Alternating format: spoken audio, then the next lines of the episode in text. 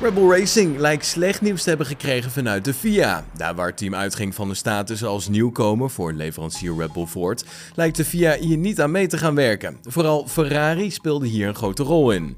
Het doel van Rebel Racing was om deze status kracht bij te zetten door Ford als nieuwe partner aan te kondigen. Iets dat vorige week vrijdag officieel gebeurde tijdens de lancering van de RB19. Maar Ferrari had echter al een tijdje bezwaar tegen deze status. Iets wat eerder al zorgde voor uitsluiting van Ferrari bij gesprekken over de nieuwe reglementen. Ferrari was namelijk niet bereid om de motorreglementen te ondertekenen, omdat Rebel met de status als nieuwkomer veel voordelen zou krijgen waar het team geen recht op heeft dankzij de huidige samenwerking met Honda. time. Dit is dan ook gelijk de reden dat Ferrari van mening is dat Red Bull Powertrains geen nieuwkomer is en het team zelfs nadacht over het inzetten van een veto-recht. Nou, de FIA die lijkt nu het eens te zijn met Ferrari, zo meldt La Gazzetta dello Sport. Red Bull Ford krijgt van de FIA om een paar redenen geen status als nieuwkomer. Volgens de Italiaanse website is de FIA namelijk van mening dat de samenwerking met Honda ervoor zorgt dat het team qua kennis op gelijke hoogte zit met Ferrari en Mercedes.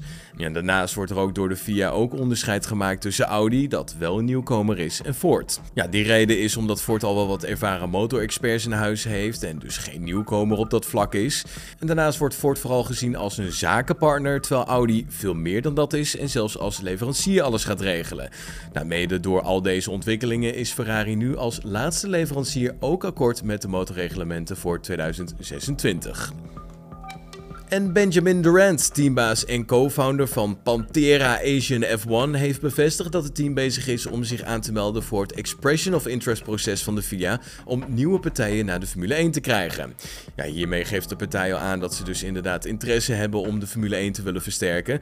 Durant denkt namelijk dat de Aziatische markt en de Chinese markt de volgende te ontwikkelen markten zijn. En een woordvoerder van General Motors dat met Cadillac en Andretti een Formule 1 team gaat vormen in de toekomst vertelt tevens tegenover Planet F1 dat zij ook moesten aanpassen aan het nieuws omtrent de Expression of Interest project. Hiermee lijken in ieder geval twee partijen te zijn die graag onderdeel zijn van het nieuwe proces dat door de VIA-president Mohammed Ben Sulayem in leven is geroepen. Met Pantera en Andretti General Motors, Cadillac levert het proces in ieder geval kandidaten op. De vraag is of er de komende tijd nog meer partijen bij gaan komen.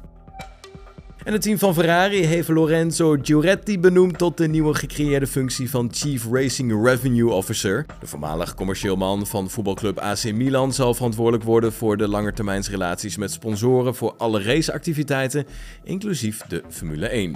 Op de hoogte blijven van het allerlaatste Formule 1 nieuws, volg dan dit kanaal of check onze website gpfans.com.